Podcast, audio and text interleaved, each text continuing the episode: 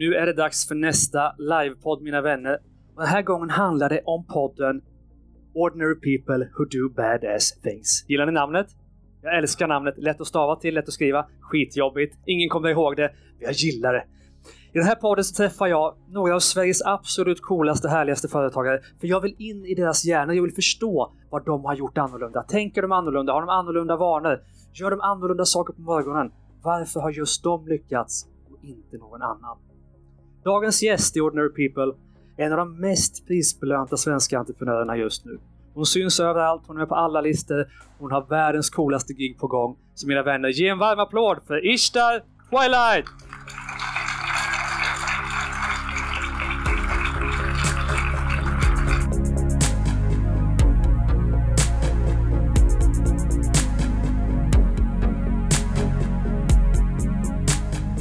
Tjusigt! Och du fick en applåd hela vägen upp.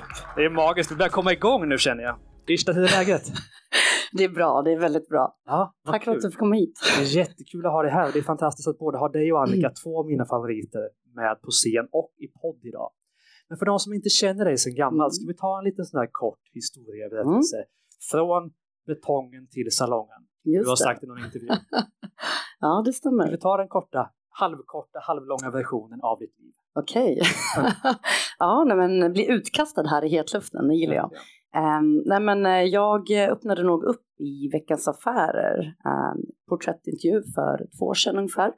Det var väl när jag eh, insåg att hmm, jag har aldrig trott att jag kan bli entreprenör eller företagare. Det är två olika saker och det kanske vi kan prata om sen. Uh, för att jag aldrig såg mig själv i någon annan entreprenör i medierna, tv, tidning och radio. Och, och det fick mig att ifrågasätta lite kring hur jag använder min plattform, min röst. Så då valde jag att eh, berätta lite om min bakgrund för att få andra att känna att wow, kan hon så kan jag. Um, för att jag aldrig riktigt velat vara ute där och visa den här perfekta ytan utan jag tror mer på att inspirera med min imperfektion. Och då vill jag gärna berätta, ursäkta om jag svär här nu, men jag vill gärna hellre berätta om mina fuck-ups, om mina eh, misslyckanden snarare än hur bra det går hela tiden. För att jag har misslyckats bra mycket mer än vad jag har lyckats eh, och det tycker jag är väldigt viktigt. Så um, ja, jag berättade om att jag hade en brokig bakgrund, eh, missbruk i familjen, lämnade mellan att jag var 12 till 14, bodde jag lite överallt eh, och när jag var 14 så skaffade jag ett svart jobb och en svart lägenhet. Eh, och sen har jag klarat mig själv. Det är den korta storyn. Nu vill jag nästan höra långa storyn. jag tänker det blir en väldigt dramatisk intro och Ja. eh, jag tänkte att vi kanske ska ha kul idag. ja, men och prata om konkreta tips om hur man tar sig fram. Men jag kan också berätta att den bakgrunden eh, har tagit mig vart jag är idag. Ehm, jag hade ju aldrig varit så här värderingsdriven. Jag hade aldrig haft förmåga att förstå människor och deras olikheter som jag gör idag. Um, och det har hjälpt mig att bygga fantastiska team, förstå hur olikheter, hur viktigt det är, hur framgång faktiskt byggs på olikheter och vara en facilitator som ledare. Uh, så att min primära uppgift har alltid varit att facilitera i de här olikheterna när vi driver innovation, när vi bygger produk- produkter, tjänster um, eller bara med något helt annat för att kunna förstå hur man faktiskt driver det här långsiktigt. Uh, och då måste man vara ledare och ingen chef. Och enligt mig är det två olika saker. En chef, eh, den primära uppgiften för en chef är att växa verksamheten, få siffrorna att växa. Medan med ledares primära uppgift är att få människor att växa och det i sin tur får bolaget växa och hållbart dessutom. Ska vi backa bandet lite för att 14 Mm. till nu, du är inte 14 nu? Nej. Eh, och i alla fall, mentala åldern är nog där fortfarande. Då är det åtta. Alltså, det- ska vi inte gå in på. Men i alla fall, eh, kan du berätta kort också om din eh, entreprenörsbana fram till idag? Mm. Eh, nej men, så jag eh, valde att eh, utbilda mig på Södertörn och Stockholms universitet till sociolog. Jag ville forska utbilda eh, andra. Tänkte att eh, det jag vill göra var att utgöra en funktion i samhället. Och man blir ju väldigt värderingsdriven också när man har sett eh, väldigt mycket i sitt liv. Så att, eh, det var väl där jag började. Men sen insåg jag att när jag pluggade att wow, fan, det här med entreprenörskap och lösa problem, det uppstod när jag faktiskt fick min första affärsidé eh, studentkompetens som det sen blev mitt första bolag av. Eh, och det var när jag skrev mitt exjobb, insåg att interaktionen mellan näringslivet och lärosätet var bristfälligt. Att majoriteten av alla studenter jag träffade i min klass, men också års, eh, parallellklasserna, att de inte hade uppdragsgivare att skriva för. Och det innebar på den här tiden och även idag dessvärre att man får vänta ytterligare ett år tills man får eh, skriva sitt exjobb. Och vem orkar vänta ett år när det enda man vill är att bli examinerad? Eh, så att eh, jag rotade lite i det där och tänkte att det här är lite struligt. Hade ingen idé om att bli entreprenör utan tänkte att jag löser det här problemet för att det är viktigt. Eh, och sen eh, den korta storyn, eftersom du vill ha det nu, så blev det ett företag. Och um, vad jag lärde mig där och då var att jag hade köpt en illusion, för jag trodde att den enda alternativa framtiden jag hade var att utbilda mig. Uh, och ska jag inte peta finger, peka finger. Um, akademisk utbildning är bra, men entreprenörskap är bättre. För att med entreprenörskap kan man lösa verkliga problem, alla problem utan bakgrund. Och med teknik så kan man skala det här och göra det här globalt. Och det var där jag blev kär i entreprenörskap och teknik. Och sen fortsatte det med? Just det, sen när jag blev Ska du dra Nej, fortsätt. Nej, men sen när jag då blev så frälst i entreprenörskap så tänkte jag att hmm, hur ska jag få andra att förstå vad, vad jag verkligen känner, upplever och förstår kring entreprenörskap? Eh, och då valde jag faktiskt att dra igång en starta kurs tänkte att äh, det är väl bara några som kommer komma, men det är väl bättre än ingenting.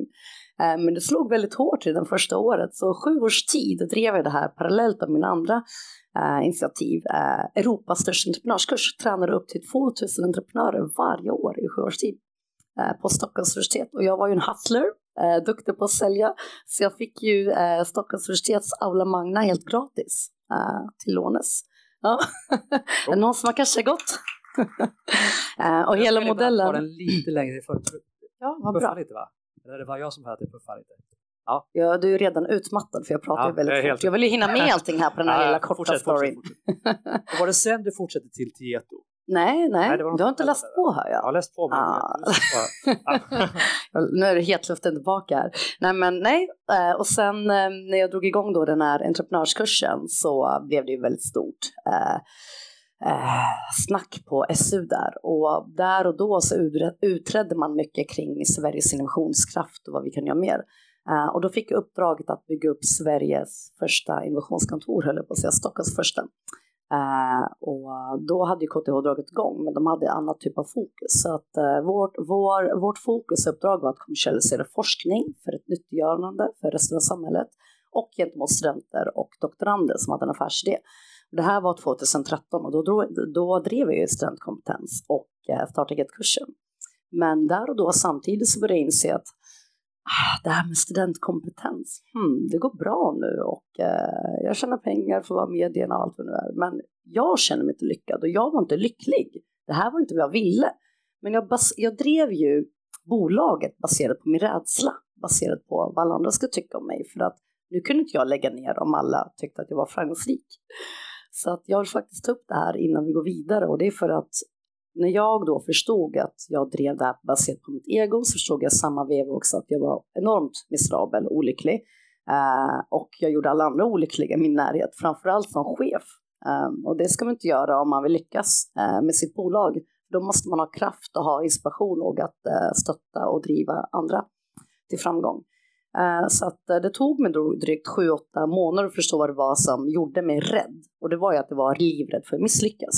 Ehm, och eh, när jag insåg det och insåg också att jag kan inte misslyckas för att här har jag allt från att lärt mig till att koka kaffe till att pitcha för börsvärdier till att knappa mina egna kampanjer till att lära mig bygga team till att rekrytera ja, rubb och stubb. Uh, hur kunde jag då misslyckats? Vem skulle tala om för mig att jag hade misslyckats? Det var ju också en illusion, som det här med akademisk bakgrund. Um, och, uh, och on top of that, nätverk, alla möjliga människor. Så att uh, jag valde att lägga ner det, valde att ta innovationskontoret som uppdrag och tänkte att det där kommer bli döden för mig. En, en galen entreprenör som mig jobbar inom förvaltning och offentlig sektor. Det kan gå rätt galet men jag kommer också lära mig väldigt mycket om mig själv och den offentliga sektorn som jag hade ett hjärta i och där jag ville verka inom.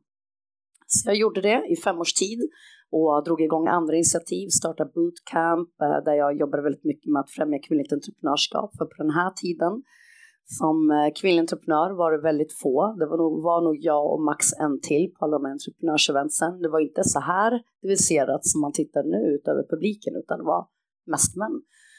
Och på den här tiden var man dessutom inte så ja, uppskattad som entreprenör för att på den tiden var man lite av lallare om man var entreprenör 2009-10 och det kanske någon av er som var entreprenör företagare då. Och ni vet att det inte var lika mycket rockstar-stämpel som det är idag. Så på den tiden var det väldigt mycket, ja, när ska du skaffa dig ett riktigt jobb?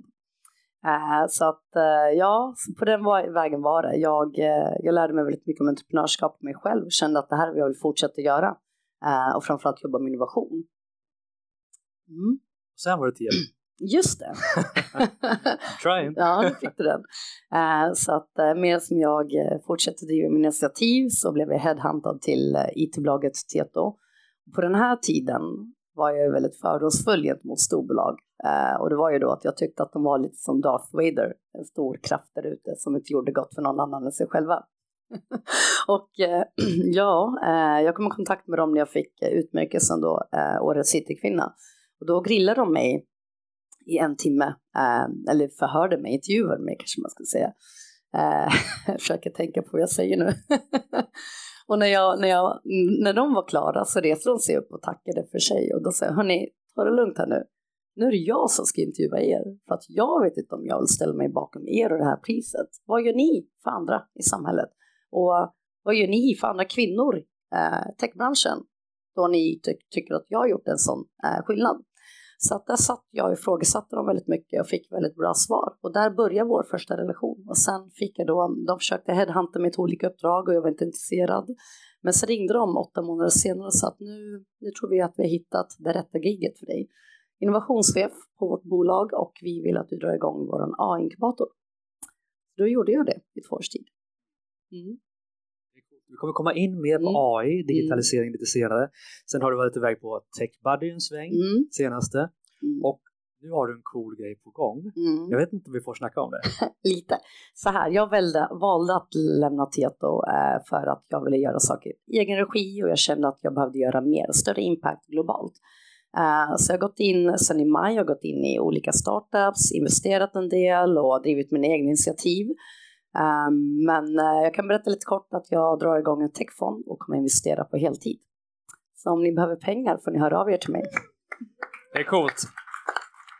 Och eh, vi, vi, får väl inte gå in på just hur fonden kommer vara sådär, men jag har hört lite, det, verkar coolt, det verkar bra. Ja. Och sen har du ju vunnit, alltså, Anita att du vill säga det här, du har ju vunnit så otroligt mycket priser också, vilka är det nu det här? Hjälp mig jag tänker att vi kan prata om alla mina misslyckanden, det är mycket roligare.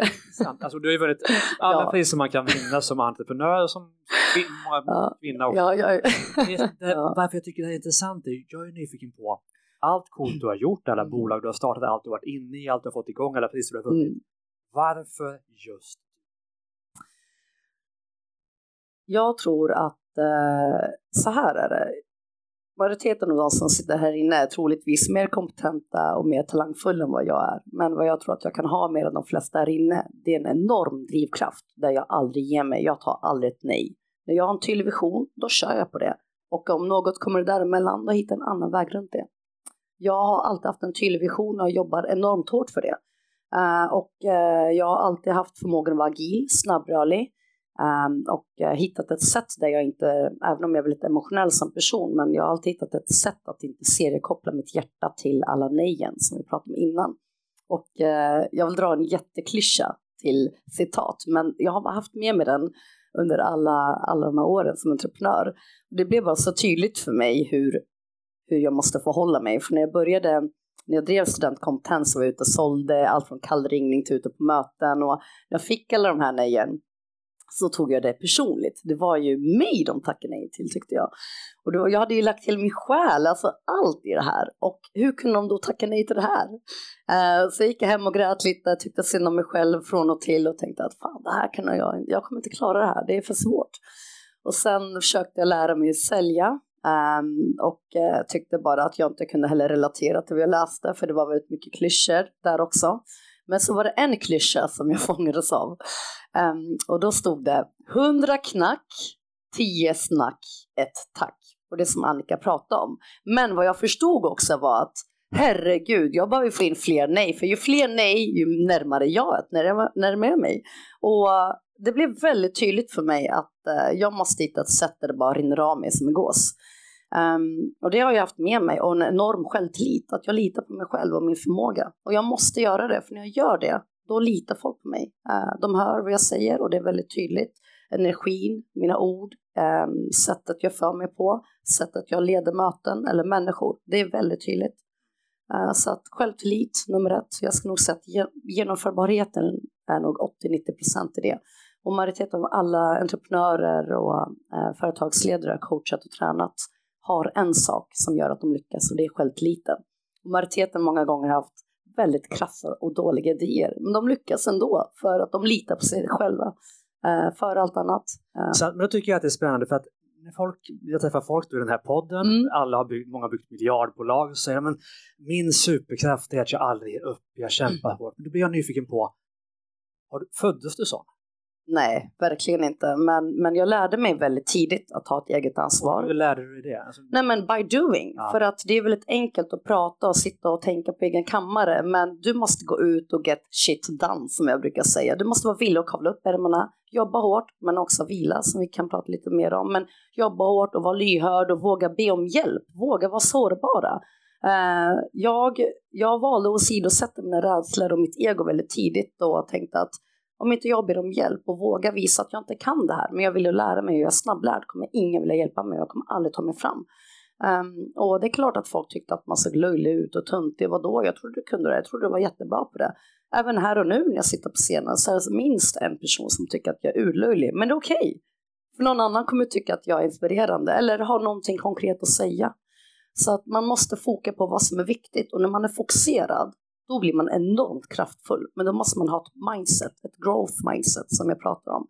Um, och det är att förstå vad som, är, som stärker dig och vad som allokerar ett värde för din mission. Uh, och vi, Annika pratade lite om det innan och du pratade om det med människor som inte är rätt för dig. Du måste omge dig med människor som stöttar på dig, eller stöttar dig, som tror på dig och som vill se dig lyckas. Ibland gör det ont när folk inte riktigt vill det. Och då måste man, jag tycker inte man behöver vara dramatisk och bryta bandet eller göra en grej av det, men håll dig fokuserad, håll dig till folk som litar på dig och tror på dig och som ser dig lyckas. Um, för det är enormt viktigt, för du kommer ju ifrågasätta dig själv var och varannan dag när du får de här nejen eller när det går åt helvete Och då måste du ha en tydlig vision och du måste ha vänner eller partners eller någon omkring dig som faktiskt är stabil och som tror på dig och påminner dig om vart du är på väg. Just det. Jag vet inte om någon har noterat det, men jag gillar ju hacks.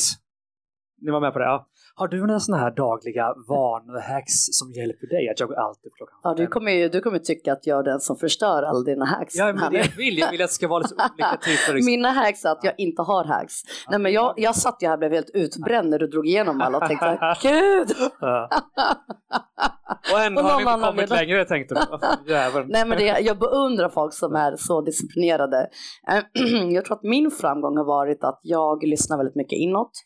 Um, jag, jag är ingen morgonmänniska. Jag är enormt effektiv ändå kan jag säga. Jag utgår från vad, vad jag behöver och det är att vakna upp väldigt slow, försiktigt, inga ljud, inga ljus. Jag behöver bara börja dagen väldigt sakta. Det är enormt viktigt för mig. Um, och uh, jag är aldrig på kontoret före 9 eller 9.30 ibland tio timmar. Jag vet att folk kommer att tycka att det är nog det konstigaste jag hört. Men jag är inte produktiv innan det. Sen är jag högenergisk, jag toklevererar på det mesta jag satt för mig själv i mitt, i mitt schema. Men innan 9 och 9.30 händer ingenting. Jag är lite som en neandertalare, jag förstår knappt vad ni har att säga. Så att eh, sitta på ett möte och vara skarp, sällan före nio. Du ringde mig vid halv åtta i morse. Då var du lite, ja, det var inte... ja, jag var inte där. Jag var inte där. nej. nej, men ja, det, det tar enormt mycket för mig. Och jag har också upptäckt genom åren att om jag får sova fram till sju, åtta, då är jag extremt närvarande, jag är väldigt stabil i min form under hela dagen, även kvällen eller även natten om jag behöver jobba, har en deadline. Men om jag går upp tidigt för att alla förväntar sig att jag ska vara på kontoret åtta för att folk tycker att man då är lite hurtig och duktig och mer framgångsrik än någon annan, då blir det bara på min bekostnad. Så att eh, det har varit den, den främsta hacken och lyssna inåt väldigt mycket. Jag kan nog säga att jag har byggt den mesta delen av min karriär på intuition och känsla snarare än förnuft och rationalitet. Uh, och det tror jag många inte kan riktigt relatera till eller känna att det där låter som en person som är väldigt frånkopplad. Men, men uh, jag menar, en, en, en intuition uppstår inte från tomma intet. Och eh, de få gångerna jag inte har lyssnat på min intuition kring människor, när jag bygger team, när jag rekryterar människor jag vill göra affärer med, inleda affärer med, så har det inte gått bra. Och eh, jag vill bara ge det som ett medskick att be alla att utvärdera sina känslor eller den magkänslan en extra gång.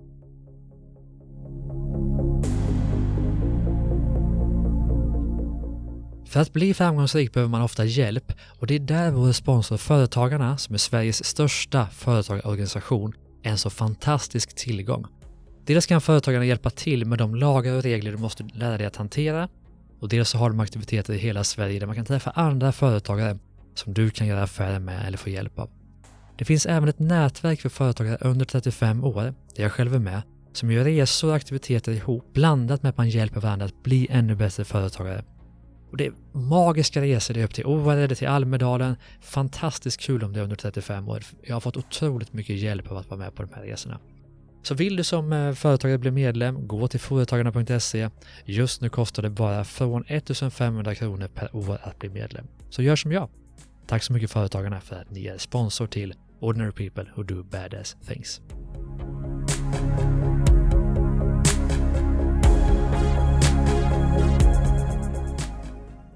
Men om vi tar en titt då, för du har ju mött oerhört många framgångsrika människor i din karriär.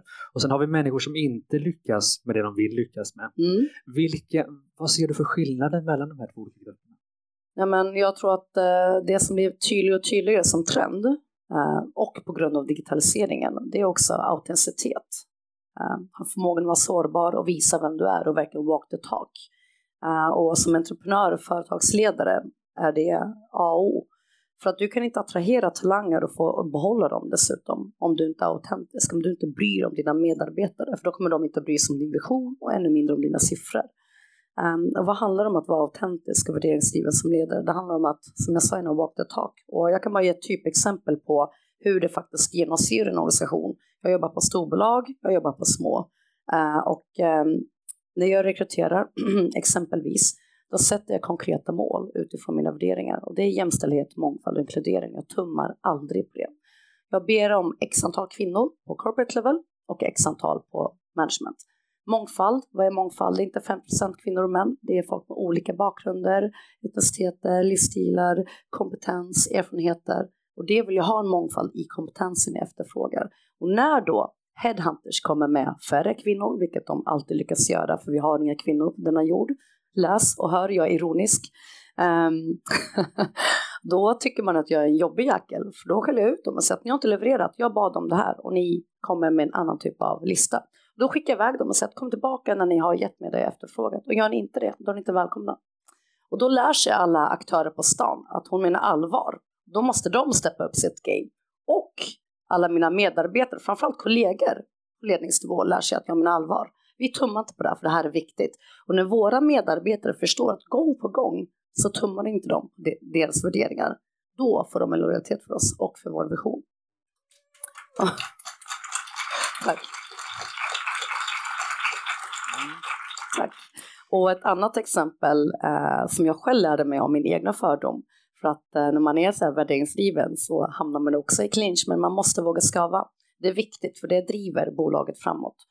Um, det var när jag satt i ett möte. Vi var åtta, nio stycken tror jag. Och um, då var det en yngre, yngre kvinna i min ålder på ett ungefär som um, gav hennes åsikt om en plan som vi försökte utvärdera. och då var det en äldre man som då var väldigt förlöjligande mot henne. Uh, och jag behöver inte säga vad han sa, men han var väldigt nedlåtande och ifrågasatte huruvida hennes svar eller kompetens verkligen um, hade belägg för det hon sa, huruvida viktig hon var för organisationen, lite så. Uh, och då, apropå vardagsform, då var inte jag i mitt esse. Och då snappade jag väldigt snabbt uh, och uh, då sa till honom att jag har nolltolerans för vuxenmobbning och jag bad honom lämna rummet. och det var ju inte det bästa. Men det är viktigt att man också pratar om när man inte är optimal som chef eller ledare eller som entreprenör. Och eh, det var ju bra för att då visade jag att jag inte stod för det och vi, tillå- vi har nolltolerans för mobbning. Men sen kom han fram till mig efteråt och sa att du, eh, jag skulle vilja prata med dig och då tänkte jag direkt, ja nej, men nu kommer han skälla ut mig för att det här var ju inte så professionellt. Men jag stod ju fortfarande vid vad jag hade gjort såklart. Eh, och då sa han, du, eh, det du gjorde där inne, det var nog bland det bästa som hänt mig på länge. Ja, vadå då? Nej, för att eh, jag har varit omedveten fram till nu. Och jag insåg att jag, jag är en av de här gubbarna som alla pratar om. Vit medelålders man. Och det är inte vem jag är. Jag är tvärtom. Jag tycker allt det här du håller på med och pratar om är superbra. Men så insåg jag när du sa till mig att det här har jag gjort hela livet och varit lite ja, frågasättande. Det slutar upp här och nu. Och eh, ja, så ibland handlar det inte om att folk är, ursäkta uttrycket ordvalet, idioter, utan ibland, ibland är folk omedvetna. Och det handlar om att synliggöra strukturer hos sig själv, hos andra och i organisationen. Eh, men jag tycker också att eh, jag tror att det här värderingsdrivna ledarskapet som jag pratar om och varför det är viktigt, ehm, det är för att globaliseringen och framtida teknologier och även den framtida eh, arbetskraften, alltså millennials som många kallar dem, de efterfrågar inte en chef utan en ledare. Och det tvingar oss också att bygga organisationer, företag på ett nytt sätt, att leda på ett nytt sätt, att göra affärer på ett nytt sätt. Och då pratar jag inte bara om att bygga affärsmodeller på ett nytt sätt, men bygga produkter och tjänster på ett nytt sätt. Majoriteten av alla produkter och tjänster idag är skapta, gjorda av män, men som är gjorda för kvinnor och män. Majoriteten. Vad hade hänt om vi hade haft 50-50? Då hade vi varit konkurrenskraftigare som Sverige AB och eh, vi hade haft en jämställdare värld. Så att vi behöver ifrågasätta eh, allt i vår organisation. Varför jobbar majoriteten av alla kvinnor på HR, kommunikation, media? Var, vilka sitter på produkttjänstutveckling? vilka sitter på finans? Så att jag tror att vi behöver utvärdera alla, um, alla vertikaler i vår organisation uh, och gentemot våra kunder och ekosystem. Och det är framtidens ledarskap. För när vi gör det, när vi driver den typen av ledarskap um, kompromisslöst, även om vi är jobbiga många gånger, då ökar ju välmåendet i organisationen för att folk känner sig respekterade, inkluderade och viktiga. Och när det händer, då får vi bättre resultat. För det märks på siffrorna. Och när det händer så blir vi konkurrenskraftigare. Och när det händer så blir vi mer innovativa. Och då helt plötsligt så lyckas vi med det omöjliga, att attrahera talanger. För att då börjar alla få höra om den här arbetsplatsen. Det är roligt, man får misslyckas, man får testa, experimentera, de är framåtlutade. Och då, det i sin tur leder till att vi faktiskt behåller våra talanger. Och slutligen, du bara cut to the point. och slutligen så stärker det våra värderingar i organisationen. Så det här är en kedjereaktion av starkt ledarskap, värderingsdrivet ledarskap som inte tummar på värderingar. Så det vill jag skicka med alla. Ja. Verkligen. Otroligt intressant. Jag skulle vilja eh, fokusera lite på framtiden. Mm. Alla som är här idag driver ju, och alla som lyssnar med förmodligen, mm. driver ju bolag. Flytta inga, lite så jag kan titta på inga, folk. Inga jättebolag utan mindre bolag av olika slag. Och vi många av oss är lite nervösa för singulariteten och AI och blockchain och digitalisering och allt vad det kan heta. Vad tycker du att vi ska göra för att förbereda oss för allt som komma skall? Mm. Jag tror, att vi, eh, jag tror att vi behöver förstå, som jag pratade om innan, hur, ehm, hur den framtida arbetsmarknaden kommer förändras. Då kan vi också förstå vår roll som ledare, som entreprenör, eh, som enskild individ. Eh, och den skeva debatten som är idag, eller dialogen, är att omställningskraven ställs på samhället, inte på den enskilda individen. Vad innebär det? Att det är ingen som tar ett riktigt ansvar. Det förväntas att din arbetsgivare eller dina politiker eller makthavare kommer lösa problemet som vi står inför, som jag ska alldeles komma in på. Men det kommer inte hända och därför vill jag att alla röstar upp sig och förstår hur framtiden kommer förändras. Som typ exempel för att inte vara jättesubjektiv här och också ge lite fakta och belägg till vad jag faktiskt säger här. Enligt World Economic Forum så har de estimerat att 47 procent av alla amerikanska yrken kommer ersättas 2025 av automation, robotisering och AI. Jag tror inte bara ersättas, jag tror transformeras och det kommer jag komma in på alldeles strax. Enligt McKinsey i en rapport Animation for a better future 42 procent i Sverige. Um, så AI är här för att stanna. Frågan är om vi är här för att stanna. Så den huvudsakliga frågan är inte huruvida robotarna kommer ta över våra jobb, för det är vad alla pratar om. Den huvudsakliga frågan är huruvida vi, alla har en förmåga att återuppfinna oss själva. Om och om och om igen, livet ut. Det är den huvudsakliga frågan. Hur gör vi det då? Inte genom det är att skönt att du ställer frågorna också tycker jag. Då kan jag. Ja. jag, jag tänkte att jag, ja, ja. ja, men det är lite så här med mig, det går undan.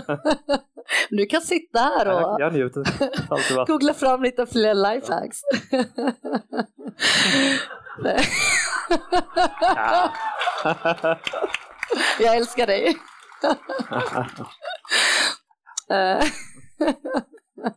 Fortsätt nu. jag kommer aldrig få komma hit igen hörni. Men du är fantastisk. Ehm, jo, så, ehm, och då är den huvudsakliga frågan hur vi återuppfinner oss själva. Och det är inte genom e-learning, det är inte genom att utbilda oss själva bakom displayen, bakom skärmen. Som jag sa innan så, du, du har väldigt många kuddar här så att jag kastade den. Eh, som jag sa innan så räcker inte det för att vi ska hålla oss relevanta. För att det vi får lära oss är hårda värden. Artificiell intelligens, programmering, matematik, you name it. Vi behöver utveckla mjuka värden. Vad är då mjuka värden? Det är future skills som det kallas i folkmun, digital folkmun. Och det är agilitet, alltså snabbrörlighet, rörlighet, lyhördhet, kreativitet, nyfikenhet. Det är den kognitiva förmågan, alltså förmågan att lära, förmågan att samverka med olikheter. Olikheter, galna entreprenörer som mig, eller som någon annan här inne, eh, samverka med robotar och maskiner. Så att det är den typen av färdigheter vi behöver utveckla. Och hur gör vi det? Inte bakom skärmen, utan genom interaktion med andra. Jag var på en konferens eh, där en kvinna, låt oss säga att hon heter Maria, ställde mig frågan, du, jag jobbar jättemycket, jag har barn, jag har inte tid att, att återut, eller återuppfinna mig själv. Så hur ska jag få till det här då? För att jag hade gått ut på den här konferensen, jag var lite provokativ, eh, vilket jag kan vara ibland som ni märker. Och då gick jag ut och sa så här, hörni, vill ni hålla er relevanta för framtiden, då får ni bara kavla upp ärmarna och börja jobba gratis. Då blev folk jättearga, för det var ju väldigt mycket folk från offentlig sektor och då tänkte de på LAS och allt annat som man kanske borde utgå ifrån. Men, eh, och då hade jag Mentimeter så det ramlade upp frågor här på skärmen bakom och då såg jag att folk var arga. Jag bara, men gud, vad då jobba gratis? Vad handlar det här om? Då sa det, det är just det det handlar om att jobba gratis. Typ exempel, ring till en startup och säg så här, hej Maria, eller hej, jag heter Maria. Eh, jag jobbar som journalist på, jag vet inte, bolaget X. Ehm, och jag har sett att ni gör coola grejer. Ni är ett eh, cleantechbolag inom energisektorn. Kommer inte på något. Ehm, men jag tycker att ni är supercoola. Skulle jag kunna få jobba tio timmar i veckan eller månaden hos er? Vilken startup skulle jag säga nej? Vem? Vilken? Let me know. En. I'll wait. Exakt. Och det är det det handlar om. Att våga be om hjälp eller våga fråga. Och då lär du dig på riktigt vad agilitet handlar om. Då lär du dig på riktigt att samverka med olikheter. Då lär du dig på riktigt kreativitet. Eh, allt som jag pratar om. Det är ett typsätt som man kan se på information och kunskap. Det är inte det enda, men det är ett exempel på hur ni kan tänka kring hur man inhämtar information och hur man interagerar och lär sig nya färdigheter, hur man utvecklar nya färdigheter. Um, så att det är vad jag vill ge som ut, eller medskick, att börja titta på hur kan jag lära mig nytt, hur kan jag interagera med andra människor. Uh, och främsta sättet att göra det är att utveckla de här mjuka färdigheterna hela tiden. Um, och då kan man ju fråga sig, så här, men hur utvecklar jag emotionell intelligens? Jag tycker att jag är sympatisk ändå. Det handlar inte om det. Det handlar om att ha förmågan att förstå andra människor hela tiden. Även om ni sitter där Eh, på mötet och tycker att den här personen inte har en aning om vad det handlar om, eller inte håller med eller tycker att den här personen har gjort fel, så måste ni förstå vad personen säger. Framförallt om ni är deras chef eller ledare. Uh, och hur kan man göra då? Man kan ju fråga sina medarbetare på daglig basis eller regelbunden basis be om feedback lika mycket som ni ger dem feedback. Hur, hur, tycker ni att jag kan bli bättre som chef eller ledare? Vad för typ av feedback skulle ni ha? På vilket sätt? Hur kan jag göra det här bättre? Vad hade ni efterfrågat mig i den här perioden när det var som tuffast? Det är jobbigt och eh, det är inte kul och jag kan säga att jag själv har gått hem och gråtit och tyckt att äh, jag kanske ska plocka ner skylten och lägga ner.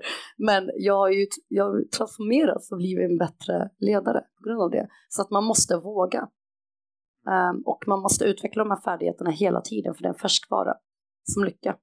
Det är något man har men försvinner väldigt snabbt. Då måste man vara i interaktion med människor hela tiden. Härligt. Och nu vill jag flika in, jag vill Mm. göra mitt jobb också. Äntligen! Ja, Vad tänker du? För tiden går väldigt, väldigt fort. Vi måste nästan avsluta den här lilla sessionen tillsammans på scen och i podden. Så jag skulle vilja på något sätt att tillsammans då, vi utgår från framtiden kommer, troligtvis. Den kommer att handla Mm. Den är här, om den var här igår. Den var här igår, den kommer imorgon. Och den kommer handla väldigt mycket om teknikens utveckling naturligtvis. Så som Annika var inne på, vad, hur ska vi sammanfatta det här? Särskilt tre saker alla vi borde göra idag för att Mm. vara förberedda på imorgon. Hur många minuter har jag på mig? En och en halv. Okej. Um, utvärdera era värderingar. Eh, vi pratade lite om hacks innan eh, och eh, det pågår ett race just nu, as we speak, där inte bara Kina, USA och Ryssland försöker hacka er, inte ert bolag, utan er som personer. Eh, så att filosofi har aldrig varit viktigare än någonsin som nu.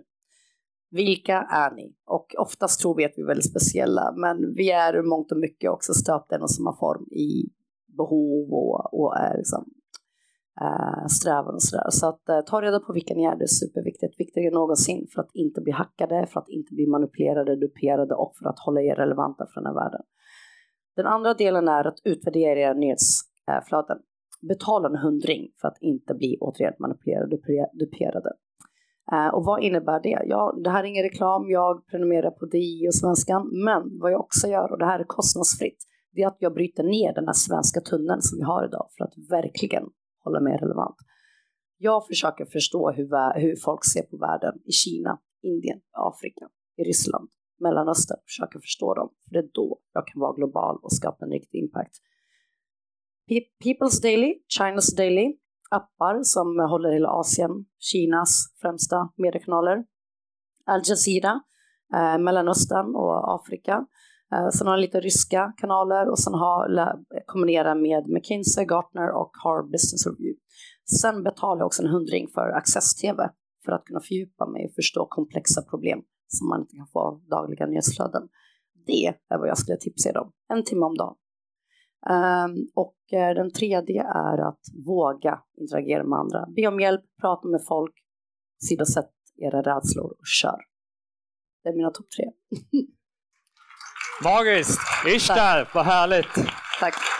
En varm applåd. Och låt mig innan vi avslutar den här podden sammanfatta att ni såklart lyssnar både på eh, Ordinary People Who Do Badass Things och för andra poddar, Starta Eget-podden och Business X. där Poddar finns till exempel i Acast, Podcasts och i, på Spotify. Och jag ska också säga att den här podden är sponsrad av VTMG, en fantastisk digital byrå som har byggt nya Driva Eget och nyamittföretag.com. Så de finns här bak eh, som en partner idag. Så har ni ett digitalt projekt på gång och även alla ni som lyssnar på, på podden i en annan plattform så hör av er till VTMG. W tmg.se med magiska att, att jobba med och fantastiska på att bygga digitala projekt. Men mina vänner, nu avslutar vi den här podden med en otroligt varm applåd för Ishtar! Härligt! Tack.